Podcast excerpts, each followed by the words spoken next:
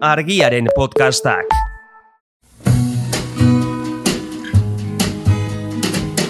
Don't know much about history. Don't know much biology. Don't know much Hau, oroimen histerikoa da.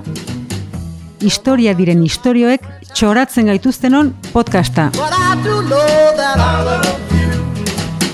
And I know that if you love this would be.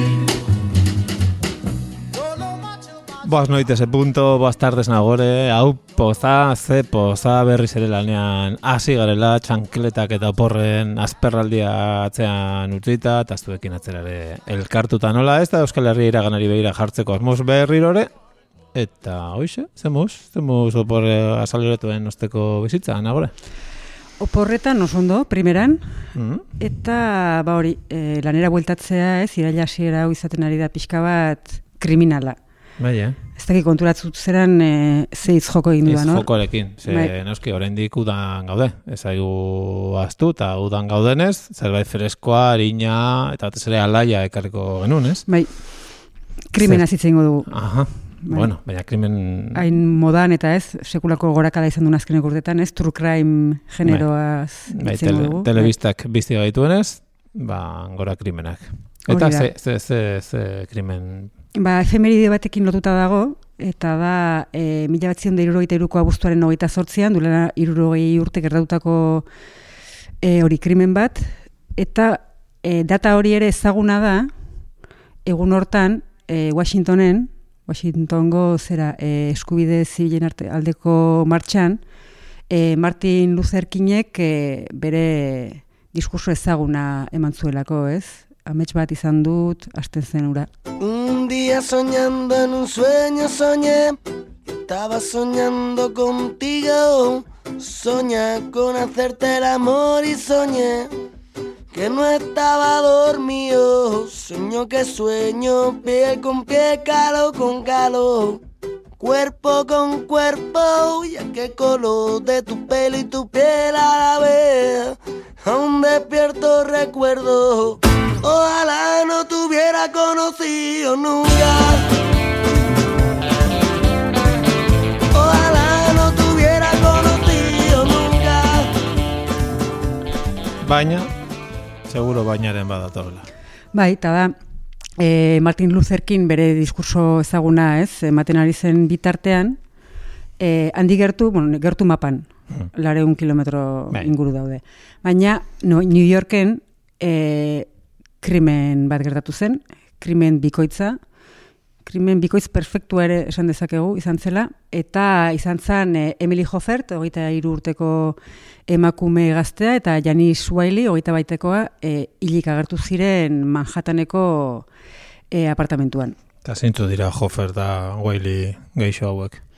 Ba, bueno, krimen hortako e, biktimak dira, e, bineska gazte, ikusi dugun bezala, beste emakume gazte batekin, e, Patricia Touls izeneko Mhm. e, batekin bizi zirenak, eta pixukideak e, e, topatu zituen, edo beto esan da, etxera itzuli zenean, ez?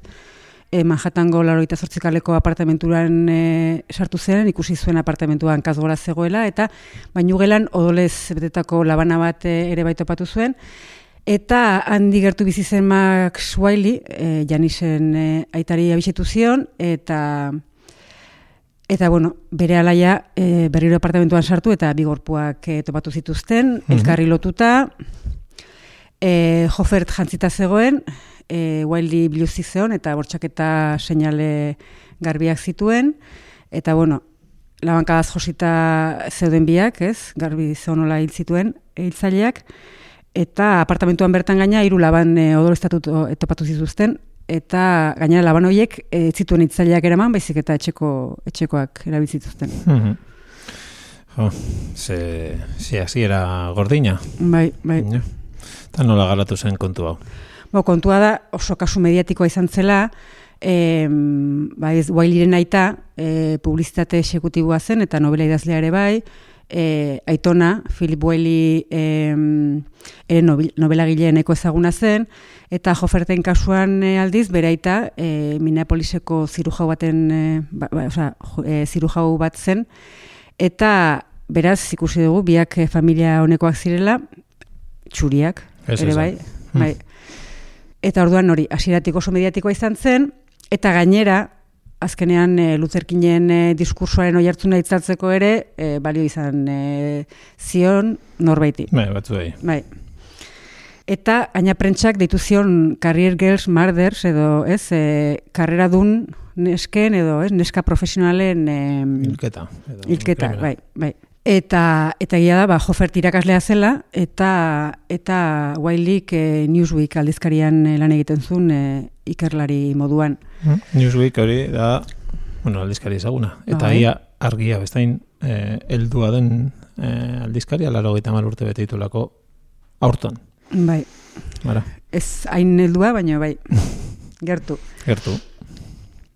Orduan, hasieran poliziak ez zeukan susmagarririk, uste zuten e, biktimen ezaguna izango zela, hiltzaileak, alde batetik e, hiltzaileak e, zera, e, indarkeria asko erabilizuelako, eta hori zaten omen da seinalea ez, e, ba, gertutasunarena, eta bestetik eraikinak atezain bat zeukan, eta arketzun ezer e, arrarorik ikusi, eta eta Eta la ere hilabeteak pasa ziren, ez zeukaten susmagarririk, e, oi hartzun mediatikoa etzen itzaltzen, eta e, norbait atxilotzeko presioak gerozatia eta handiagoa zenez, irurogeita lauko apirilean, urrengo urteko apirilean, George Whitemore e, junior izeneko e, be, emeretzi urteko gazte bat atxilotu zuten.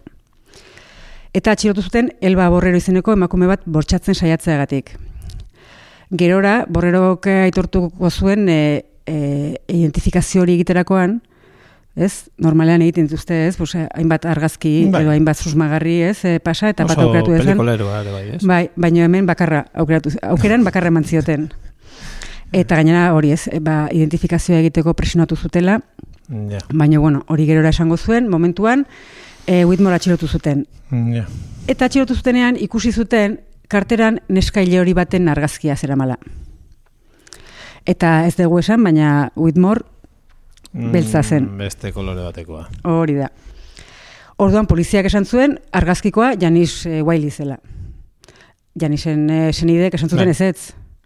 Ez ez. Ez, ez zela argazkikoa. Baina poliziak azkenean bere, ez, azkenean lortu zuen bere susmagarria eta ez zeukan askatzeko asmorik eta orduan ba e, diprima eta bulger e, detektibek ez interrogatu zuten ordu luzez eta imaginatu dezakezuen bezala oso adeitsuki Mhm, Seguru? eta azkenean Whitmorek e, hitzailea zela aitortu zuen. Ja. Ezaguna egiten zegoen, ez? Eh, Whitmore zen Euskalduna izango.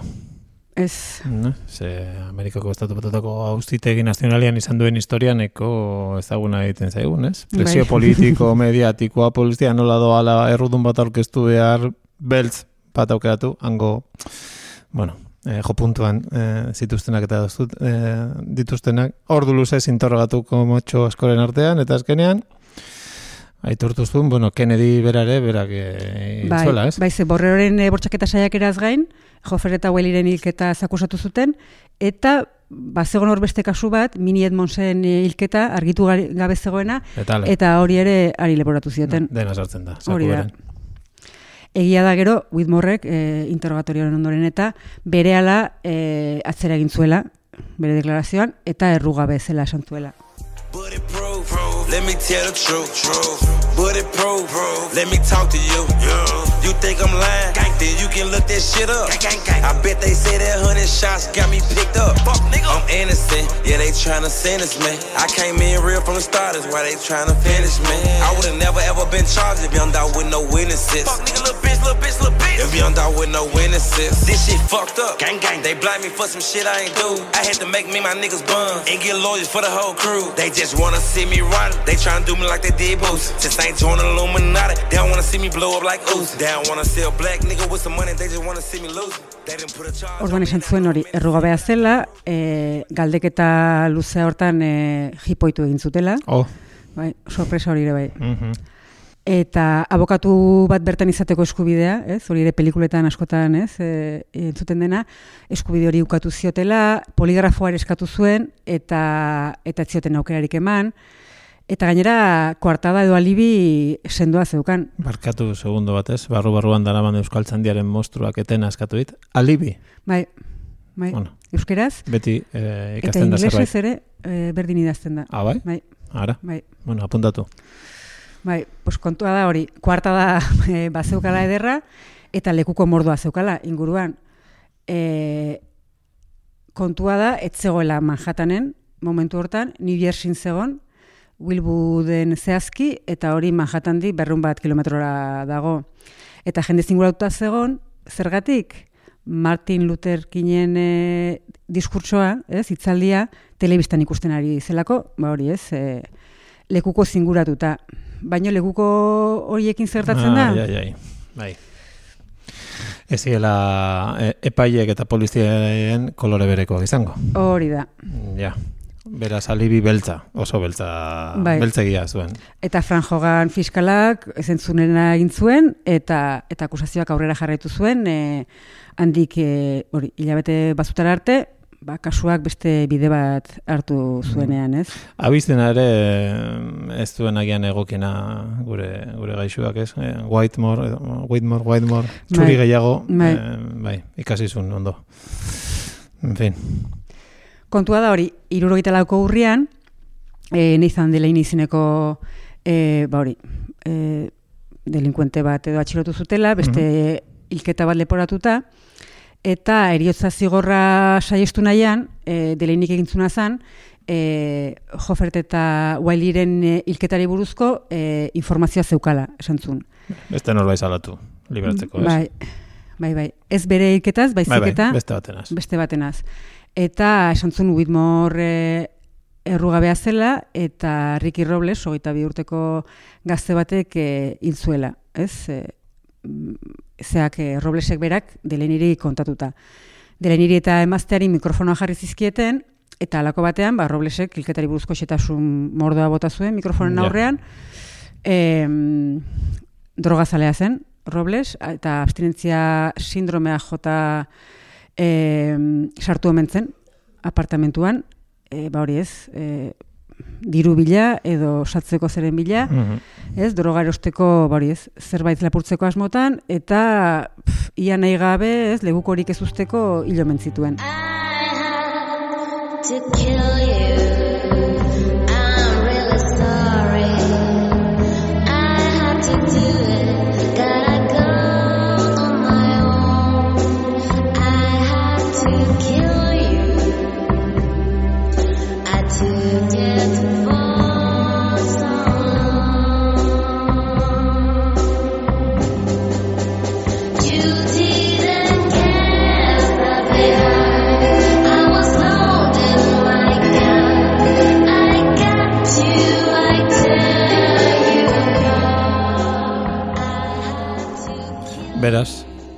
Pentsu dut, edo pentsatu nahi dut, e, Whitmore laguna aske utziko zutela.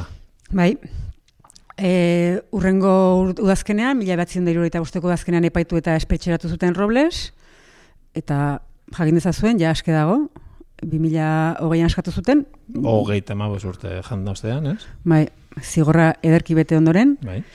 Eta bai, e, Whitmore aske utzi zuten, eta e, bos hori, 2012an hiltzen, irurogeita zortzi urte zituela.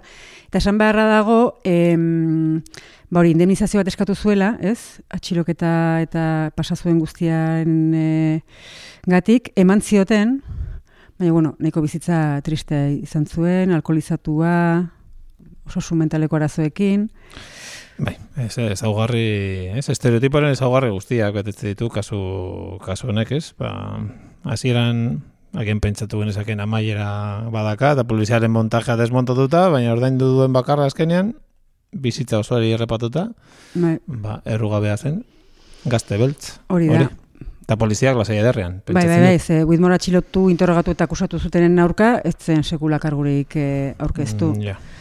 Eta hori dira pixka bat ondorioak, kasuari zehazki dagozkionak, baina krimen honek eh, beste ondorio asko asko ze orokorragoak edo, esan ezagun eh, izan Bai. zituen. Eta hasieran esan dugu ez, eh, krimen bikoitz perfektua izan zela. Perfektua zergatik. Etzen perfektua izan, ez Whitmorentzat, jakina, eta Roblesentzat ere, zerrapatu Mm, zuten. Baina bai, ba, medioentzat, poliziarentzat, ez? Epaitegientzat, azkenean boterearentzat, ez? Bai, bai, Osea, oso- botere faktiko eta instituzioarentzat izan zen borobila eta eta bikoitza izan zen e, bi biktima izan zituelako zuzenean, ez? E, aipatu ditugunak, baina baita ere zeharka bi kolektibo hori eragin zielako bereziki, ez? Beltzei eta eta emakumei. Klasea gehituko bagenu, ja usatuta genuke An- Angela Davisen eh, zapalkuntza irukoitza. Baina, Bai, klase pixka bat ere badago, Ba, horrez, ezta? esan dugu e, bi hildakoak familia honekoak zirela.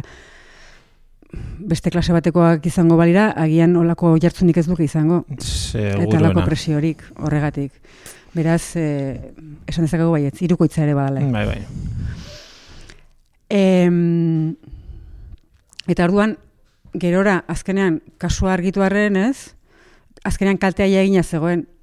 Mezua ba, oso garbi e, ez, e, zabalduta zegoen. Bai, bai. Eta da, aina kasualitatea ez, esan dugunez, e, Martin Luther Kingen diskurtsuaren kontrako arma perfektua izan zen, ze e, bera beltzen eskubideak aldarrikatzen ari zen une berean, Whitmore erakusten ari zen, beltzek ez zutela eskubiderik merezi, Oso neska gazte txuri errugabeak e, ari zelako, ez? Hmm. Naizta, kasua argitu, naizta, Whitmore, eh, Martin Luther King momentu horretan entzuten egon. Bai. Eh, nahiko eh, borobila Baina, da. ja, mezua kaltea egina dago ja. Hor geratzen da, eta ez, eta eta hori eragina dauka, esan dugu bezala, betzen komunitatearen aurkako eraso bada azkenean, ez? Bai, bai. Eta eta emakumeen kontrakoa ere bai. Ze segundo hondi beretzen duzu, e, bi neska hauek, ez? Ba hori, neska familia honeko neska txuri errugabeak ziren, baino errugabe erabat ere igual ziren. Hmm. Igual eh, askotan esaten den bezala, ez? Igual pixka bilatu egin zuten ere, ez? Mm. Eh, Eta hori nondi dator da. Ba, azkenean esan dugu, ez? E, karreradun emakumeen edo emakume e, profesionalen e, hilketak. Hilketa. Bai. Emakume esan dut eta ez neska da. Eta hori ere importantea da. Ez da berdina emakume esatea edo neska esatea.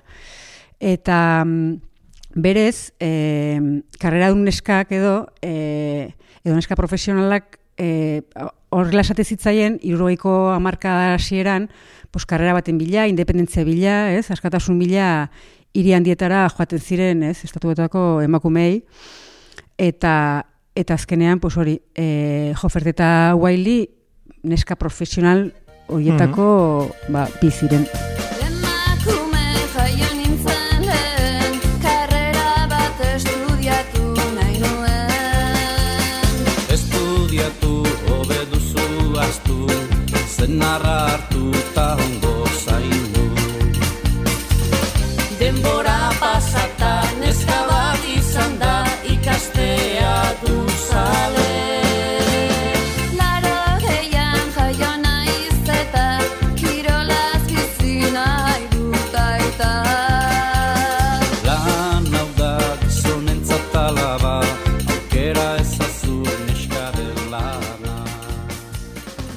Ba, hilketaren ondoren, eh, esan dugu gainera eh, Max Wiley, eh, Janisen naita idazlea zela, ba, berak eh, idatzi eta argitaratu zuen eh, eskuliburu bat, eh, Career Girls Watch Your Step, Hala. izenekoa, neska profesionalak kontuz, o kontuz nunit zabiltzaten, edo... Hori alaba lagundu nahian. Mm, Bai, bueno, alaba jatzen zuen lagundu, baino, baino Mm, bere ja. bezalakoak lagundu nahian. Eta etzen bakarra izan, esan nahi, e, estatu batutako hiri handietan, e, ba hori, emakumez kongabe independenteak oso zaurgarriak zirela, ez, e, errepikatzen zuten eskuliburuak edo eskurriak edo, ez, aholku sortak ugaldu ziren, leku guztietan, eta denetan aholku bat errepikatzen zen, eta da, gizonezko baten laguntza izatea beti, oso ezinbestekoa zela. Ja, erruaren zati bat berriz ere biktimena. Bakarrik egoteagatik, ala.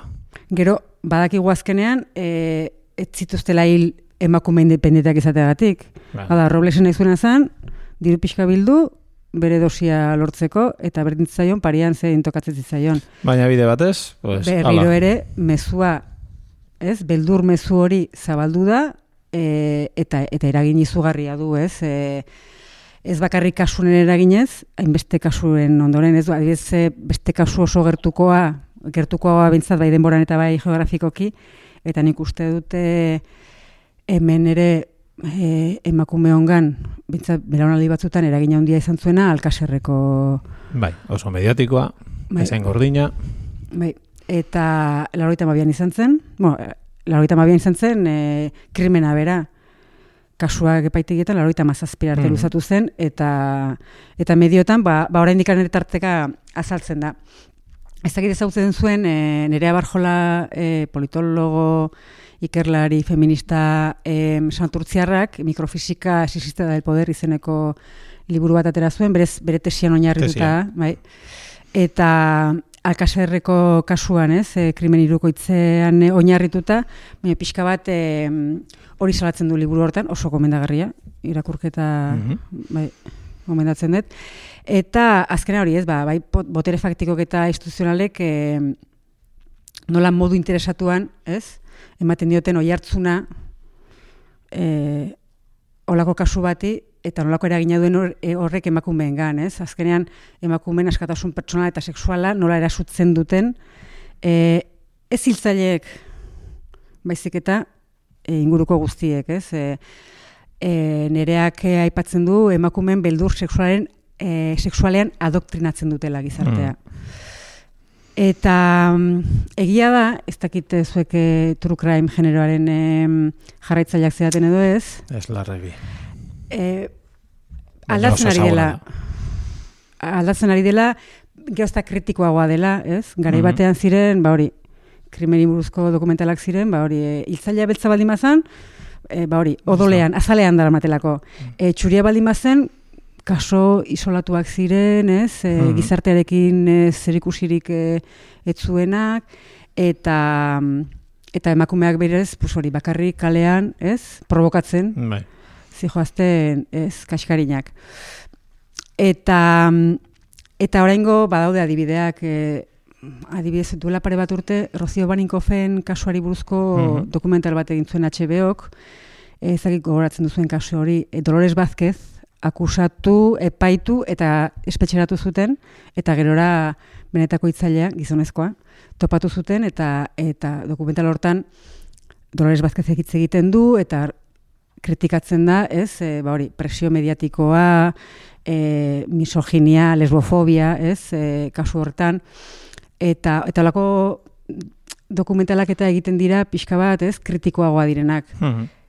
Baina hala ere, alako bombardaketa dago horrek ere eragiten duela. Eta justu, nerea barjola aipatu dut, eta duela urte bete bi urte, el salto, e, zera, komunikabidean, elkarrizketa bat irakurri nion, eta berak esatezun, azkenean horrek oraindik ere eragina daukala, eta, eta true crime generoko dokumentalak eta ikusteagatik, e, berak esaten du, literalki, parkinera bakarrik jaisteren beldur diren emakumeak ezagutzen dituela, ez?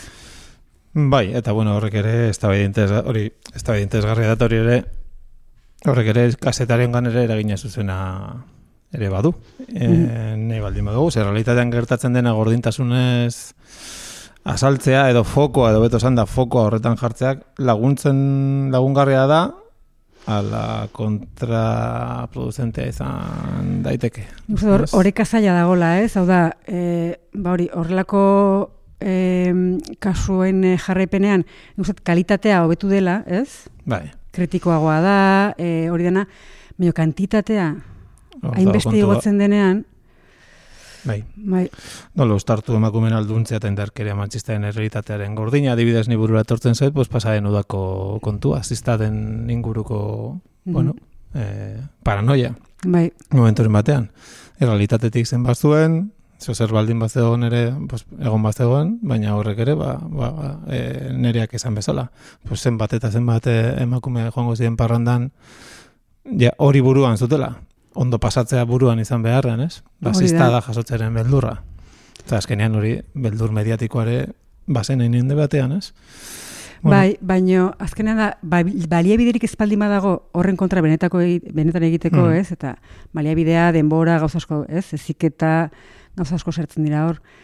Baino besterik gabe horrekin bombardatzea, ba, ba hori oso, oso kaltegarria izan daiteke, eta batez ere hori beldurra kentzeko mm, baliabiderik ez baldin badaukazu. Mm. Bueno, ba, gai potolua. Bai, Eh, ikasturtea- uda, potolo Ez dugu oso alai hasi. azteko, baina, bueno, behintzat aldunduta bai. Hori. Beraz, pues, eutxi goiari eta horrengoan ja, fuerte, eta ikasturte berriari gogo zeltzeko asmoz. Hori da. Ale, ondo izan, eta jarraitu da gozatzen, esaztu. Argiaren podcastak. Podcast hau libre eta doan zabaldezakegu argiaren komunitatea osatzen duten milaka lagunek proiektua diruz babesten dutelako. Zuk ere kazetaritza independentea bultzatu nahi baduzu, egin zaitez argiako kide.